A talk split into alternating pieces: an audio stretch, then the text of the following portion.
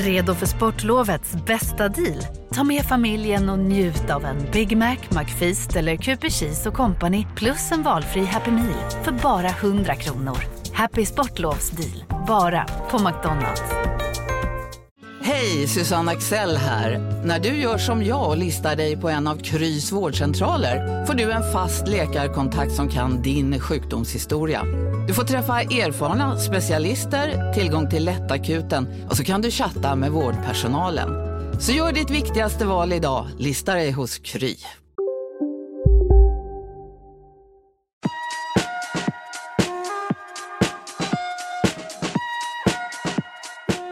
Från Monopol Media, det här är Kapitalet. Jag heter Gunnar Harjus. Jag heter Jakob Bursell. Och vill man höra det här utan reklam så kan man gå in på monopol.se. Julkampanj. Fram till jul kör vi en eh, kampanj där man kan lyssna på Kapitalet utan reklam för bara 12 kronor i månaden. Är det du som har dragit igenom det här? Vi kommer ju gå i, gå i konkurs. Vad är det som pågår? För billigt. Det är för billigt. Ja, men passa på då. Eh, Jag har en fråga till dig. Ja, kör. Krypto. Bra fråga. Det är en väldigt bra fråga. Men på riktigt, jag, jag följer ju inte kryptovärlden jättenoggrant som du gör. Du blev ju liksom lite otippat och oväntat den, den sunda rösten i kryptovärlden. Äh, Du är nu liksom någon slags kryptoexpert, nästan i alla fall. Ja, men jag, jag följer ju fortfarande den här världen ganska nära, måste jag ändå säga. Krypto var ju någonting som nästan alla pratade om för två år sedan, vi också i vår podd Kryptoteket. Ja. Ehm, och sen försvann ju alltihop i en stor krasch. Och så har det varit olika rubriker i tidningarna sen dess. Alltså det händer ju saker hela tiden, det puttrar på. Mm. Och jag tänkte bara ska dela lite så observationer som jag sett under senare tiden liksom om krypto. Mm. Så kan du berätta vad grejen är. Ja. Det första jag sett, eh, det är ju att det finns en person som heter Sam Bankman-Fried eh, som var någon slags eh, posterboy för kryptovärlden. Han har ju dömts, det hände för en månad sedan. Han är mannen bakom den här FTX-historien, FTX-kraschen, Ja. som vi har rapporterat en del om i podden. Och, och han kan få hundratals år i fängelse, Ja, som. ja, i teorin. De har ju sådana tramsiga fängelsestraff där de kan slå ihop olika brott på varandra. Ja. Men, men det är, de, de bästa betsen jag har sett verkar snarare vara till typ 30-40 år. Men ja, visst, han har dömts. Mm. Lindrigt. Ja. Eh, Det andra jag har sett det är då att Binance, som vad jag förstår är världens största kryptobörs, också har dömts på något sätt. Mm. Eh, Eller ska dömas. Det är lite svårt att förstå. Men de har i alla fall trubbel med rättvisan. Och, och deras chef ska få fängelse, eller? Ja, det verkar så. Har man noll koll på de här företagen, alltså FTX och Binance, det här var ju liksom de största företagen eh, i kryptovärlden för, Ja. för, för ja, ganska nyligen. Eh, det är liksom motsvarigheten till att typ världens två största banker skulle få sina chefer satta i fängelse. Alltså det räcker nästan inte. Alltså det är typ så här, med kryptomått är det större för att de hade liksom en större del av kryptomarknaden än världens två största banker har av bankmarknaden. Alltså det är typ liten, om man tar typ en internetjämförelse så är det lite typ som om, om Mark Zuckerberg och Google-vdn Sundar Pichai skulle hamna i fängelse. Typ. Alltså det är liksom den skalan på del av marknaden så att säga. Men det, och det är helt otroligt. Och det måste säga någonting om vilken otrolig jävla oreda det varit i den här kryptovärlden. Det här var ju någonting som en hel del människor faktiskt typ varnar för. Att de sa att det här är för konstigt. ja. Gud, ja. Eh, Okej, men dessutom så, så har vi, får man säga, liksom ett rätt oroligt världsläge nu i, i ekonomin. Man pratar om recensioner och det, det, det är liksom inflation och det är krig för guds skull och, och sådär. Ja. Eh, och ändå, trots det här, så är ju nu liksom i lite smyg bitcoin, liksom den största kryptovalutan, upp 150 procent i år. Ja, precis. 42 000 dollar får man hosta för en bitcoin i talande stund. Det är väl, eh, jag tror att det typ är, alltså under den här största krypto-hype-året så tror jag nog att den snittade ungefär någonstans där. Så vi är väl typ tillbaka på, på de nivåerna som, liksom, som det var på. Och det, det här väcker ju en del eh, frågor faktiskt. Eh, för går man tillbaka några år, då var det ju liksom tvärtom. Då var ju, då var ju liksom omständigheterna helt annorlunda. Det var nollränta, eh, liksom amerikanska konsumenter fick typ pengar hemskickade på posten och de bara satt och tradade med dem. Alla var liksom superrisktagande, VC-bolagen badade pengar. Liksom, det var ju verkligen High Chaparral. Exakt, och Sam Bankman-Fried var kryptovärldens frälsare. Verkligen. Så vad är det som händer? Ja, men det är en bra fråga eh, som har ett svar eh, som vi- vi ska ge efter det här.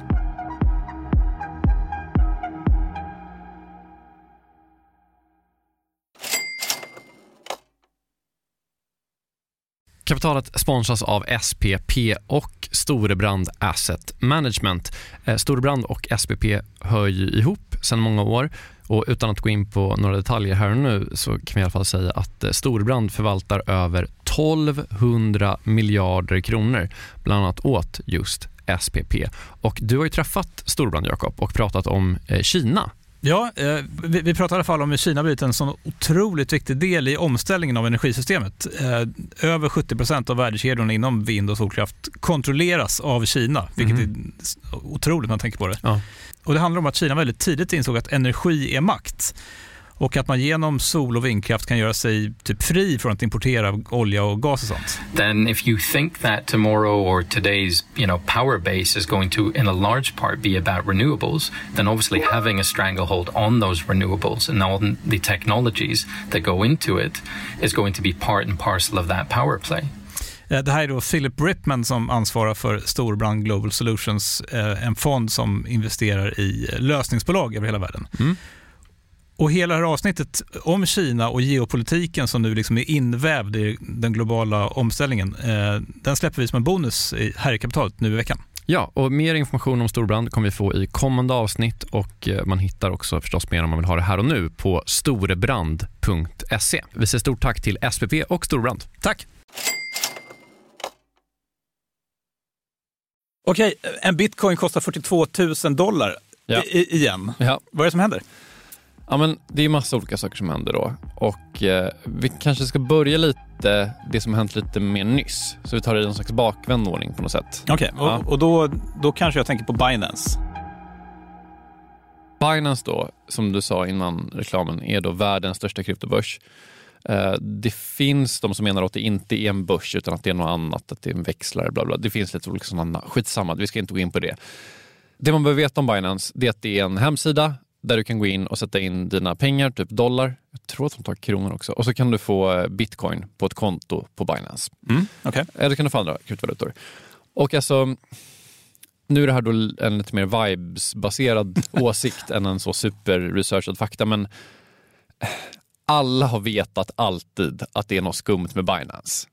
Det, det, det, det, kan nog till och med jag faktiskt känna också, mm. efter att liksom skummat rubriker och, och lite forum och sånt där. Att man har pratat om Binance på på, på, lite på det sättet? Ja, alltså det har alltid funnits rykten. Eh, de här ryktena har handlat främst om penningtvätt men också om saker som marknadsmanipulation och commingling, alltså det som FTX rök på. Men det här har väl varit liksom det har varit mer än viskningar. Det har varit mer typ så här, ja, jo, Binance är jättebra för den är störst och det är smidigt och bla bla, men det är också penningtvätt. Alltså det är liksom någon sån här basfakta man har haft med sig i alla diskussioner. typ. Det är kul att man har köpt det ändå. Ja, men, ja, ja. det säger någonting om den här världen på något sätt. Jag vet inte. Uh, och eh, de har, eller hade, får man väl säga, en vd då som heter Changpeng Zhao i branschen känd som CC, eh, CZ.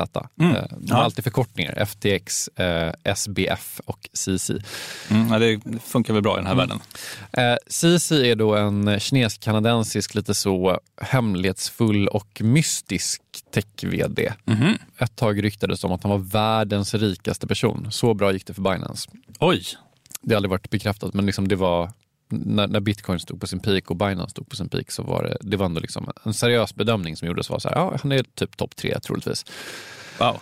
Ja, det är sjukt. Och um, hela Binance har väl i ärlighetens namn varit ganska mystiskt jämt. Uh, det har varit lite oklart, så här, vart finns det här bolaget ens? Har de ens ett kontor? Typ? Vart ligger det? Först verkar de ligga i Kina, sen i Japan, sen kanske på Malta. Allt var jävligt oklart. Har, har de också hållit på att liksom sponsra idrottsarenor och sånt där? Eller?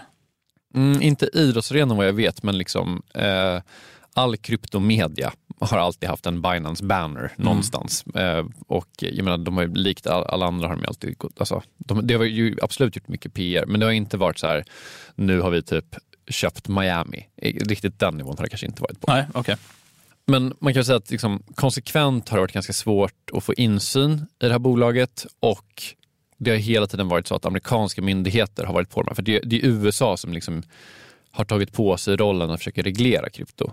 Eh, för att eh, de är ju lite världspoliser till att börja med, men sen också de har ju liksom regler som gäller typ om om transaktioner görs i dollar så har ju de typ rätt att reglera, då är det typ en säkerhetsfråga för, mm. för USA, så de har liksom tagit sig an det här. Okay. Eh, och då är det då en miljon olika sådana trebokstavsmyndigheter som finns där, eh, men SEC och DOJ är väl de två som har varit mest taggade på att hugga på Binance. Alltså, Department of Justice och lite motsvarande Finansinspektionen kan man väl säga. Ja, Och för en vecka då sen så kom det ut att CC och Binance har erkänt penningtvättsbrott eh, och de kommer då betala 4,2 miljarder i skadestånd.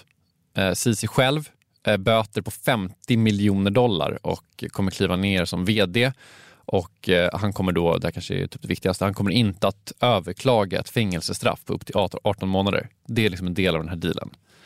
Och- Men det här är liksom en sån här typisk amerikansk uppgörelse där han eh, ja, liksom erkänner skuld och, och, och, och så får, de, de gör en deal helt enkelt för att han inte ska sitta i fängelse resten av sitt liv. Ja men det verkar så, för att grejen är, när de har varit på Binance förut så har det varit typ så här, eh, då har liksom CC gått ut och hållit olika liksom, brandtal där det var så här, vi kommer slåss med näbbar och klor och typ eh, motbevisa allt. Typ. Och när, när vi kommer göra, ta hela fighten. Och nu plötsligt så verkar de erkänna och då är frågan typ så här, vänta, har de, är det här resultatet av att de har slagits med näbbar och klor? Att det typ ändå kommer typ lindrigt inom citationstecken undan, bara 5 miljarder dollar typ. Eh, eller är det så att de liksom har torskat någonting och att det verkligen har hänt något? För man vet ju inte exakt vad det är som har hänt och varför det här kommer just nu. Det är väl liksom den stora frågan någonstans.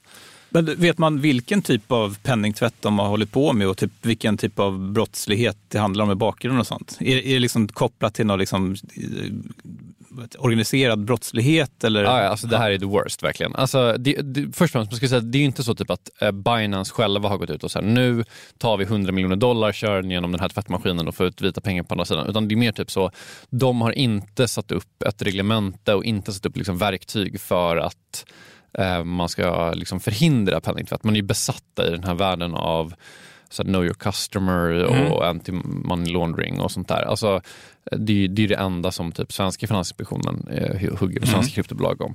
Och eh, Binance har alltid varit lite så här typ, uh, liksom, satt på skygglapparna och bara så här, ja nej vi har, vi, vi absolut, vi kör typ. Nej, så det handlar mer typ om att man inte har eh, gjort någonting för att hindra det. Eh, så liksom, det är inte så att CC har tvättat pengar utan han har låtit andra människor tvätta pengar genom sin plattform. Men de som har tvättat pengar, det är ju så här Al-Qaida, IS, Hamas, alltså det är så här, det, Det- det, är liksom... eh, ja. Snyggt. Ja. Men, men det är fascinerande då att Binance, de hade ju ändå liksom borta nu, men de hade ett väldigt starkt varumärke i den här kryptovärlden och uppenbarligen, om man inte var världens rikaste man så var han ju då väldigt rik. Så man tycker att hade det typ varit en liten uppoffring för honom att eh, ta tag i det där och typ bygga ett företag som faktiskt tog det där på allvar. Ja, men, och det där är väl liksom spekulationen som liksom handla, ligger typ i, i någon slags grund för typ hela kryptodiskussionen. Som är typ så här, men vilka är det som använder det här egentligen? Typ? Är det här typ en flaw med Binance? Eller är det här hela affärsmodellen? Jaha, det, du, du menar att liksom, det är så vedertaget att man använder krypto för, att, för liksom skumma grejer? Att sätter man upp en sån här växlingsverksamhet så spelar man med. Liksom, man, man, man blir medskyldig till det här i någon mening. Alltså, jag vet ju inte hur, exakt hur Binance olika så här, uh, compliance-verksamheter har funkat, men jag menar det har ju verkligen varit så helt sjuka grejer som kommit ut eh, under åren. Alltså, någon undersökning som gjordes eh, 2019 då liksom finns det så här chattmeddelanden som eh, jag tror att det var SSI fick ut, så där det var typ någon på compliance-avdelningen som var ganska högt uppsatt som hade skrivit så här typ ah, vi borde ha en banner som är typ så, is washing drug money too hard these days? Come to Binance. Alltså, så här, eh, det, det har liksom varit stämningen ganska mycket och det var någon annan som var typ så här Ja, men typ bro, we're a unlicensed eh, securities trader. Typ. Alltså, så här, Ja, det, det, är liksom, det är såklart inte så att alla människor som använder krypto är typ al-Qaida. Det är verkligen, verkligen, verkligen inte det jag säger. Men typ, frågan är väl typ så här, går det att bli världens största kryptobörs om man, in, om man har rigorösa typ penningtvättsregler som man följer sten, sten, stenhårt? Ja, men det ska få fortsätta, men, men, för det finns ju många sådana här kryptoväxlingstjänster som har drivits mer av ideologer som tycker att krypto bara genuint är en viktig sak för att eh, man misstror det penningpolitiska systemet och så vidare. Ja, exakt, ja, men precis. Men de är ju inte lika stora som Binance är. Nej, så är det. Men grejen är då typ så här, trots det här, som ju låter helt sjukt, så här 5 miljarder dollar i böter, deras vd i fängelse, så, här, så verkar det här typ inte vara slutet på Binance. Utan eh, det är så här, vissa miljarder dollar verkar ha lämnat den här plattformen de senaste dagarna. Men typ Binance finns kvar. De har en ny vd eh, som de har liksom framat som så här Mr Regulation number one typ. Mm. Eh, det här ska vara typ, nu är det turning a corner här. CC kommer få sitta lite tid men sen så typ verkar så här, vad ska man göra med pengarna? Det här är, de, de är de största typ, och de, det funkar att använda det här verkar det som. Det finns en annan stämning på Binance också så vi får se, det kanske kommer värre grejer som, som dyker upp så småningom. Då. Och, och, samtidigt då som den här kryptobörsen, världens största kryptobörs, har liksom dragits in i den här härvan så har priset på bitcoin fortsatt stiga. alltså bitcoinpriset är ju upp på det här. Ja, och det är så jävla sjukt. Men, eh, eller är det sjukt? Det är det som är frågan. Det, det finns en massa olika förklaringar till det här, men jag skulle säga typ så här, om man går lite till, till, till botten, till grunden, själva bitcoin här. Så här, vad är bitcoin för någonting? Mm. Okay, det är då en valuta eller ett digitalt guld, pratar de själva om det är någon slags värdetillgång kanske man kan säga, typ, man ska göra det jätteenkelt, som i grunden då liksom vänder sig mot hela det här, så här finansiella etablissemanget. Alltså, bitcoin hardcore-personer, de menar ju typ så här, ja men hela systemet är korrupt, banker är korrupta, mellanhänder är korrupta, allting är, det är fel på hela liksom, det finansiella systemet. Och bitcoin, alltså pengar utan mellanhänder, liksom original bitcoin som inte, där liksom så här, du och jag kan typ sätta upp vårt eget finansiella system mellan dig och mig bara. Så här, det mm. är lösningen. Jag, jag hårdrar lite men du fattar. Så det är den ena delen av det här, liksom bitcoins ideologiska grund som så här anti-etablissemangsvaluta. Ja. Men så finns det en annan del av bitcoin också som är så här, det här hyperspekulativa finansiella tillgången som har massvis med användare som absolut inte bryr sig det minsta om så här, underliggande teknik eller ideologi eller så här, bitcoins potentiellt revolutionära finansiella kraft. De som är så här, line go up, bra. Typ. Eh. ja, men det är de som sitter och gör tekniska analys på Youtube och säger, liksom försöker köpa och sälja. Och, mm. ja. ja, men exakt. Eller bara folk som du vet, så här, köper lite grann och hoppas att jag cashar ut ja. om tio år. Typ. Och Det här gör ju att man kan ta typ i princip vilken nyhet som helst, förutom kanske något så här fullskaligt tekniskt haveri och spinna det till positivt för bitcoin i och med att båda de här narrativen är en del av bitcoin samtidigt på något sätt. Har vi låga räntor, har vi massa pengar i så omlopp i någon så extrem risk-on-mentalitet för att folk vill in i det finansiella systemet. Det är toppen för bitcoin. För att då är så här, ah, bitcoin det är det mest spekulativa, mest volatila, det är det som kommer stiga mest. Det är det roligaste, fetaste, det är liksom den bästa investeringen som gått upp en miljard procent de senaste åren. Eller är det höga räntor, inflation, typ risk-off? Kanon! Här är bitcoin, det digitala guldet som har i uppgift att vara en äkta värdebevarande och, och mm. liksom tillgång och så motverka inflation. Till skillnad från den typen av trasiga pengar som resten av världen och det korrupt, korrupta banksystemet håller på med. Så man kan liksom alltid anpassa narrativet efter situationen. och i det här fallet då är då så här, världens största kryptobörs som visar sig ha hjälpt IS och al-Qaida med finansiering. Vi sa ju det, mellanhänder, finansiella mellanhänder är skit. Man kan inte ha det. Vi behöver ett nytt finansiellt system utan mellanhänder som bygger upp bitcoin. Samtidigt så kan man ha narrativet, ja men typ den här, vi håller på att bli legit. Vi håller på att rensa ut alla liksom bad actors. Det finns inga bad actors kvar. Kommer någon kryptobörs-vd som sa nu. Ah, kul. Det, ja. får se. Eh, och liksom snart kommer världens största kryptobörs vara tillbaka igen och alla människor kommer ha sina pengar där och det kommer funka. Det här är bara bra för bitcoin. Liksom.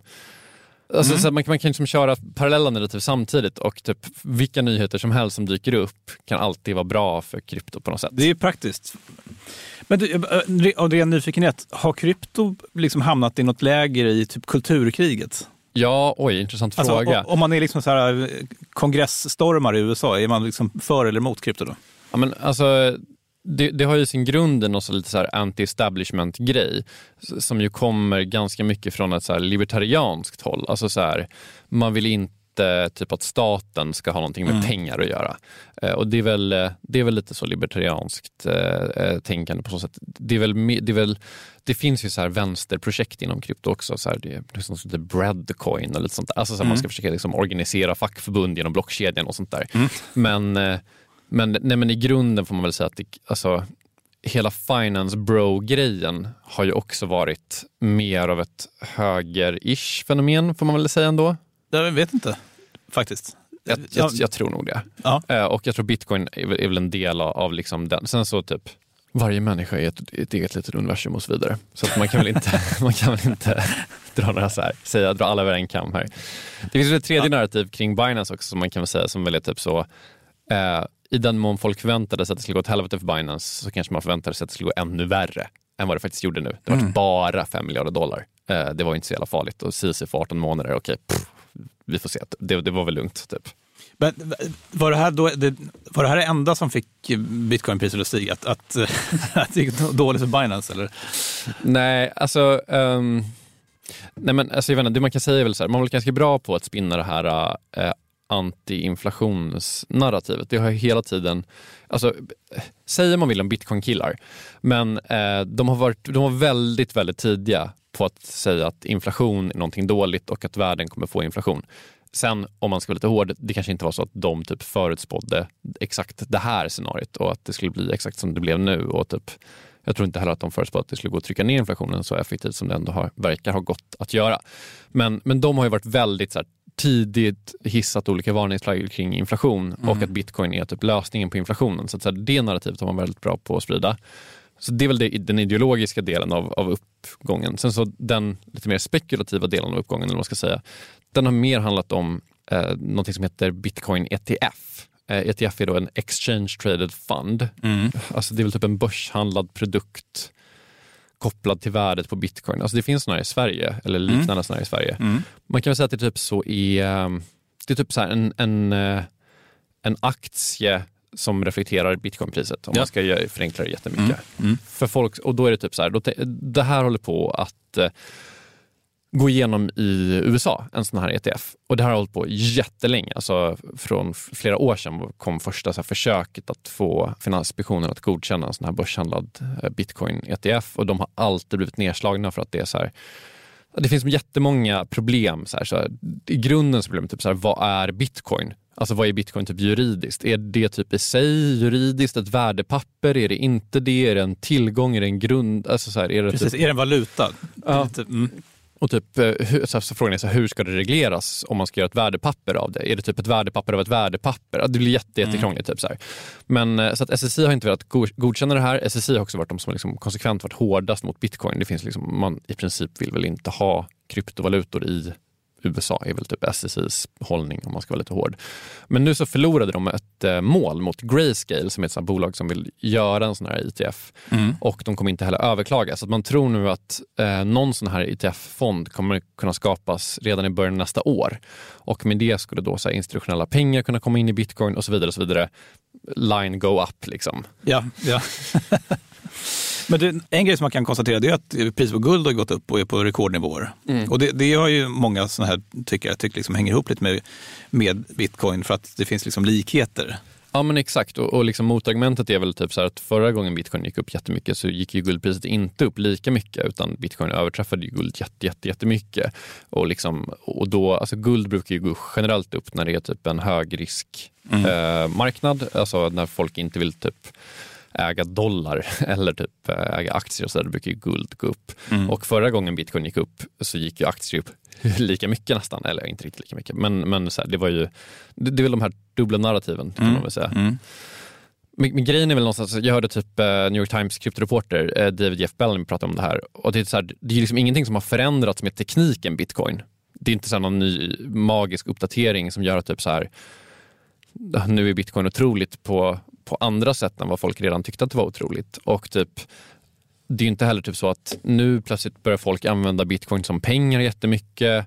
Utan så här, i grunden handlar ju typ allting om att så här, pengar kan komma in i bitcoin och andra kryptovalutor och det kan leda till någonting. Det kan leda till att line go up lite mer i alla fall. Och typ så här, ja men så här, jag vet inte, det verkar inte heller riktigt vara så att det kommer in massa nya människor i krypto eller bitcoin. Alltså, Folk vill brända nej men jag vet inte, typ så här, men, men det är väl, de här marknaderna är ju liksom notoriskt svåra att bedöma.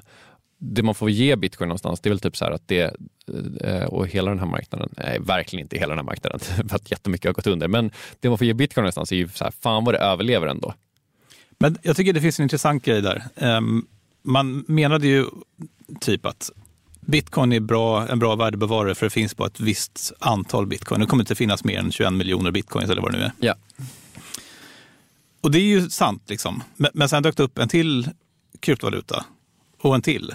Och en till och en till och en till. Och sen hade vi, vad var det, typ 10 000 olika kryptovalutor. Ja, alltså, det där är inte ett slängigt siffra, utan det var, jag tror att det var 12 000. Ja, och alla hade samma fina egenskaper. Det fanns bara ett visst antal. Men liksom, i teorin, alltså, där, där sprack ju den teorin, för att då kan ju liksom värdet delas upp mellan alla, alla de här olika valutorna. Mm. Så liksom, det, det, det, är non-fungible och så vidare, och så vidare, men du kan typ skapa en ny bitcoin.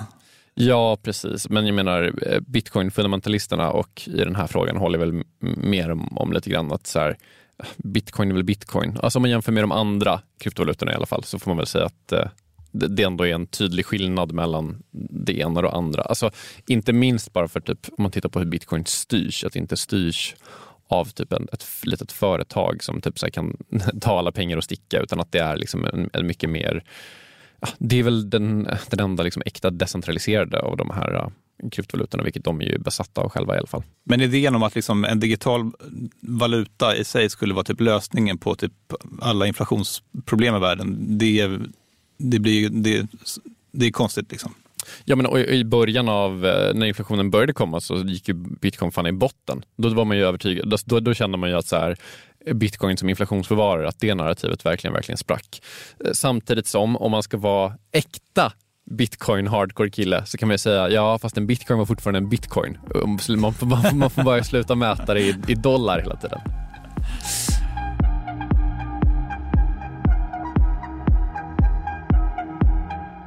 Men om man ska summera då, eh, bitcoin går upp för att bitcoin går upp. Typ. Alltså så här, typ, det, det verkar ha typ en ganska stark motståndskraft. Man tror att eh, eh, Eh, det kan komma in mer pengar i bitcoin och då går priset upp. Och är det någonting jag har lärt mig av att bevaka den här marknaden, förutom att den är kanske ännu mer irrationell än vanliga finansiella marknader, så eh, är det väl typ att de är väldigt bra på att uh, buy the rumors och sell the news. Alltså, uh, när det ryktas om att det ska komma en, en bitcoin ETF, vilket har hänt många gånger förut, så har priset stickit upp många gånger förut och sen så uh, när det inte blivit av tidigare så har det, har det dippat. Och så får vi se vad som händer om de actually får igenom en, om det, om det kan hålla sig då eller om det dippar igen. Liksom. Just det.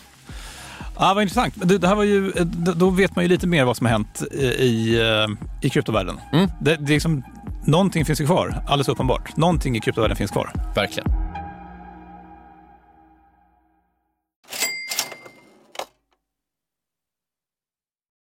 Jakob, vi har ett samarbete med Pareto Business School och det här är jag rejält nyfiken på. För ja. att, eh, eh så här, vi jobbar ju sida vid sida, bokstavligen, sitter bredvid varandra och då och då så håller du upp ett finger och säger nu måste du vara tyst i en timme för nu ska jag eh, göra något Pareto. Exakt. Ja. Eh, jag gillar ju att lära mig nya saker, det gör ju många journalister. Eh, så den här våren går jag då en åtta veckor lång så kallad mini-MBA. Eh, alltså jag hade gärna gått en riktig MBA också, men, men ja, jag har inte tiden det kräver och framförallt ingen arbetsgivare som vill betala 800 000 för att låta mig göra det. Nej, eller kanske du har. Du är ju arbetsgivaren. ja, snål, snål arbetsgivare. Mm. Det är då Jens Bäckbom och Mattias Eklöf, två svenska entreprenörer som har skapat den här utbildningen just eftersom det finns ett gigantiskt hål mellan typ YouTube-filmer och en, en riktig MBA. Ja, och det här är då Pareto? Exakt, Pareto ja. MBA. Eh, Paretos utbildning kostar cirka 25 000 kronor och, och, under åtta veckor så lär man sig jättepraktiska och tillämpbara modeller för hur man startar, skalar upp, driver och säljer bolag. Eh, Jens och Mattias eh, de håller själva i många föreläsningar. De är garvade entreprenörer båda två. Mm. Och som man så olika gästföreläsare som kom in. Mm. Typ någon kille som, som, eh, var expansionschef på Spotify, någon som körde marknadsföring på Revolut, eh, en kille som driver Sveriges största campingkedja, mm. som har varit med i kapitalet faktiskt, okay. Johan Sör. Ja. Ah, just det. Också varit en helt otrolig svensk eh, entreprenör som byggt massor med grejer i Vietnam. Alltså makalösa berättelser. Oh, wow. Eh, så den här kursen består av en blandning förinspelade moment och seminarier, men man går också i då så här kohorter tillsammans med andra deltagare från Sverige och utlandet. Jättenyttigt, eh, eh, tidseffektivt och funkar jättebra för, för den som vill driva egen verksamhet som, som typ vi gör här. Eller om man typ driver projekt och affärer i större bolag. Wow. Om man är taggad på att eh, bli en del av den här, liksom, vad ska man säga, Jakob skolan om man vill bli som dig, lära sig lika mycket som, som du har lärt dig, vad, ja. vad gör man då? Eh, nästa kursstart är 5 april, så vill man ta ett kliv framåt i sin utveckling eller karriären eller så, gå då till arbetsgivaren och kolla om du inte kan gå den här utbildningen. Priset ligger alltså på 2500 euro, men ni får 10% rabatt om ni anger Monopol Media som referens när ni eh, gör er anmälan. Mm. Eh, Man kan också gå in på paretoschool.com för att eh, läsa mer och ja, se lite smakprover från själva utbildningen. Då. Mm. Så att eh, man sparar jättemycket pengar i för att gå Handels MBA och man sparar ytterligare pengar om man tar del av eh, Monopol Media-erbjudandet. Ja, exakt. Ja, en no-brainer som vanligt. Plus att man blir ju eh, alumnkollega med mig då. Verkligen. Så stort, stort tack till eh, Pareto Business School och eh, gå in på paretoschool.com.